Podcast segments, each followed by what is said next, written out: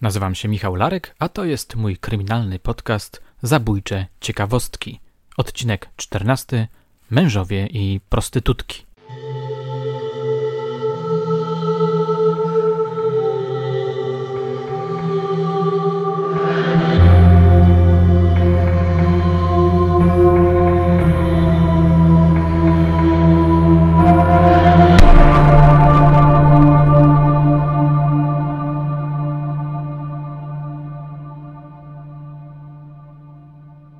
Nie wiem, czy dotarła do Was informacja, że wypuściłem ponownie lekko zredagowaną wersję tajemnicy willi na Sołaczu, którą wzbogaciłem o nową historię opowiedzianą mi przez majora Romana Wojtyniaka. Na wszelki wypadek wypuszczam ją teraz osobno w ramach zabójczych ciekawostek. Byłaby szkoda, gdyby umknęła Waszej uwadze. Jest trochę odmienna od większości prezentowanych przeze mnie opowieści. To opowiastka zabawna, pieprzna, obyczajowa. Gdy major ją opowiadał, był w wybornym nastroju, co zresztą usłyszycie na własne uszy. W takim razie do roboty przenosimy się w czasie, jest przełom lat 70. i 80. Lądujemy zatem w PRL-u. Posłuchajcie.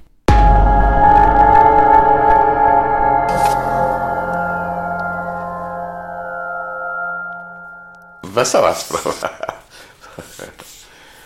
Nie, to nie była sprawa w sekcji pierwszej, ale akurat ja byłem chyba na dyżurze i, i oficer dyżurny mi to zlecił i potem się dochodzeniowość włączył do tego i myśmy tam, no cholera, w jeden dzień tą sprawę roz, rozgryźli.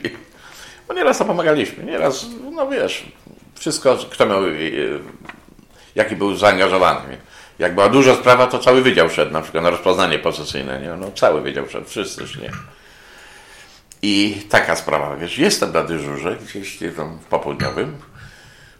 Nie wiem, czy dyżurny zdał dzwonić, czy oficer dyżurny dzwoni, że zgłosił się no, mężczyzna, którego okradziono. Nie? Którego okradziono. Że mam z nim pogadać. Nie? Zszedłem po niego, wziąłem go do, do pokoju, do do kryminalnego. No, mówię, co jest, nie? I facet zaczyna coś, wiesz, opowiadać. Ale zaczyna kręcić coś, tak, wiesz, no i i w końcu do portfelika tego i wyjmuje zdjęcie i pokazuje mi zdjęcie, mówi, no kobiety, którego okradła. Nie? Zdjęcie było tak 2 cm na 2 cm, wycięte z innego zdjęcia, z polaroidowego zdjęcia. No, ja jestem fachowy, do zdjęć od razu spojrzałem. I tak zauważyłem, że było wycięte tak, że no, nie widziała ani bluzki, ani nic, nie? tak jakoś tylko główka wycięta. Nie? I coś mi kręci, coś mi mówi, coś mi kręci. I ja mówię, koleś, mówię, albo powiesz wszystko dokładnie jak jest, a przede wszystkim przyniesiesz całe zdjęcie, bo tu jest wycięty łepek. Jak chcę, to całe zdjęcie. Jak powiesz wszystko ok, no to zaczniemy działać. Nie? Spojrzał na mnie tego, widział, że jestem konkretny. Zszedł na dół, w samochodzie jego kumpel jakiś tam siedział i przyniósł to zdjęcie. Trochę widziałem, że trochę się wstydzi, trochę tego. A zdjęcie przedstawiało nagą kobietę tańczącą na stole. Kompletnie naguśka i tam jakieś wygiby, nie? Ucieczki. I co to było? No w końcu mówię, chłopaki, no policja wam będzie próbowała pomóc, ale musicie wszystko powiedzieć. No więc, panie, kurko, żeby się żona nie dowiedziała. się okazało, że ten, co zgłosił, i jego jakiś kumpel. Akurat wysłali gdzieś żony na, na wczasy parodniowe. No i a chłopcy, luzik, no zabawimy się, nie? Gdzieś trafili dwie dziewczynki, takie młode prostytutki oczywiście. I zamiast, no nie wiem, może gdzieś na hotelik wzięli je na chatę, jak to się mówi, do domu. A y, dziewczynki, wiesz, wcale powiem tobie, że prostytutki zachętnie e, do seksu nie idą. Tylko patrzą, gdzie najwięcej zarobić, wiesz, pieniędzy czy coś innego. I tak to było, że e, oczywiście był seks, wiesz, widziałaś, na stole sobie panienki tańczyły, panowie w polaroidach, tutaj różne tego. Popili sobie sporo alkoholu. Dziewczynki podobno bardzo polewały palą alkohol, no jest za dużo, się wyczerpali i seksualnie, i tego, przysnęli. A jak się obudzili, dziewczynek nie było w domu, no i jak popatrzyli, to futra żony nie było, kożucha żony nie było i jeszcze parę drobnych rzeczy. I teraz wiesz, przestrach facetów. Wzięli sobie bez żon dziewczynki na chatę. Wiesz, żeby było wszystko w porządku, to się będą zeszło po kościach już, no ale dziewczynki je okradły. A co teraz żona powie, jak przyjedzie, jak tu, a tu kożucha nie ma, a tu futra nie ma. Panowie, zróbcie coś. Ja mówię, dobra, no teraz jesteście konkretni i powiedzieliście wszystko ok, no spróbujemy wam pomóc. Yy, to było po południu, na drugi dzień tam napisałem wszystko, moją relację z tego, z szefem. Yy, tam szefowie przydzielili mi dzięcielskiego syna, Mirka Dzięcielskiego, tego co Bielaja zatrzymywał. I razem zaczęliśmy działać. Zrobiliśmy to w jeden dzień, powiem Tobie. Wpierw oczywiście ze zdjęciem do Bożenki Bydałek. Bożenka, zobacz, czy znasz tą dziewczynkę? Bożenka, zobaczyła. Mówi, nie muszę, nie muszę nawet przeglądać albumu, mówi. Grażynka K, nie? Nie powiem, bo ja pamiętam jej nazwisko. Grażynka K. Od razu namiary, no bo adresy wszystko było. Grażynka K i druga pani o, nazwisku T została zwinięta bardzo szybko, przez kilka godzin. No i urabiamy je. No, dziewczyny, to mówię, mówię no, no, przesadziłyście. Nie? No, owszem, że zarobiłyście trochę, że tam sobie trochę poseksowałyście, zarobiłyście jakieś pieniądze, ale żeby okradać zaraz u klientów. Słuchajcie, będziecie miały kłopot, będziecie miały sprawę w sądzie, mówię, no i cudów nie ma, zakradziesz, normalny zakradziesz.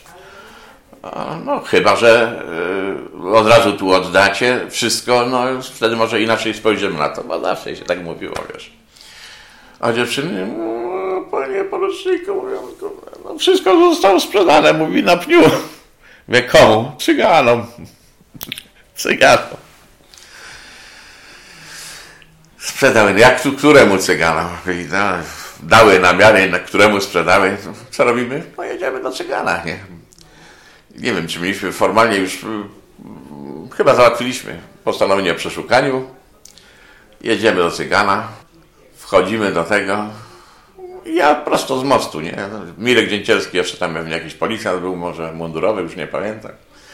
I umówimy. Panie wakatorz, kupił pan od dziewczyn to, kradziony towar. Chce mieć pan sprawę o, o paserstwo? No to będzie pan miał. Chyba, że pan odda towar, powie pan, że nic pan nie wiedział, że kradziony, no to wtedy jakoś się inaczej spojrzy na to. Panie kierownik, no gdzie tyle pieniędzy tamtego, co płakał jak cholera. A w końcu mówię, bądź pan mądry, chce mieć pan sprawę w sądzie, czy pan chce trochę stracić pieniędzy? No tak, no lepiej stracić trochę pieniędzy.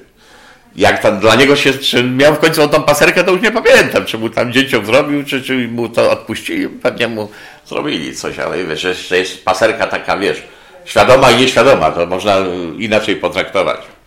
Oddali te, to futro i, i, i ten, ten cygan oddał to futro i ten kożuch Kożuch i futro, tak. Dwa dużo piękne, drogie rzeczy jakieś. Tam jakieś protokoły odebrania czy, czy zdania, tam to już Mirek Dziecielski tam sporządził jako dochodzeniowiec.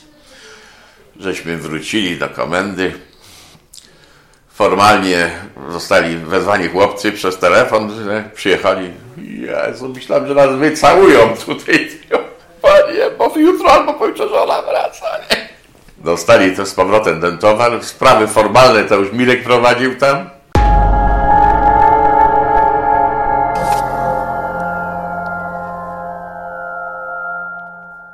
Tutaj urywam tę opowieść. Jeśli macie pomysł na oryginalną puentę tej historii, to podzielcie się ze mną.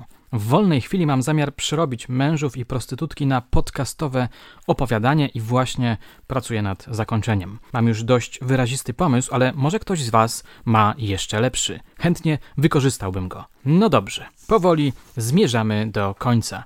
Teraz, kiedy piszę ten tekst, cały czas SMS-uję z majorem. On ciągle mi coś nowego podpowiada. Niesamowity facet.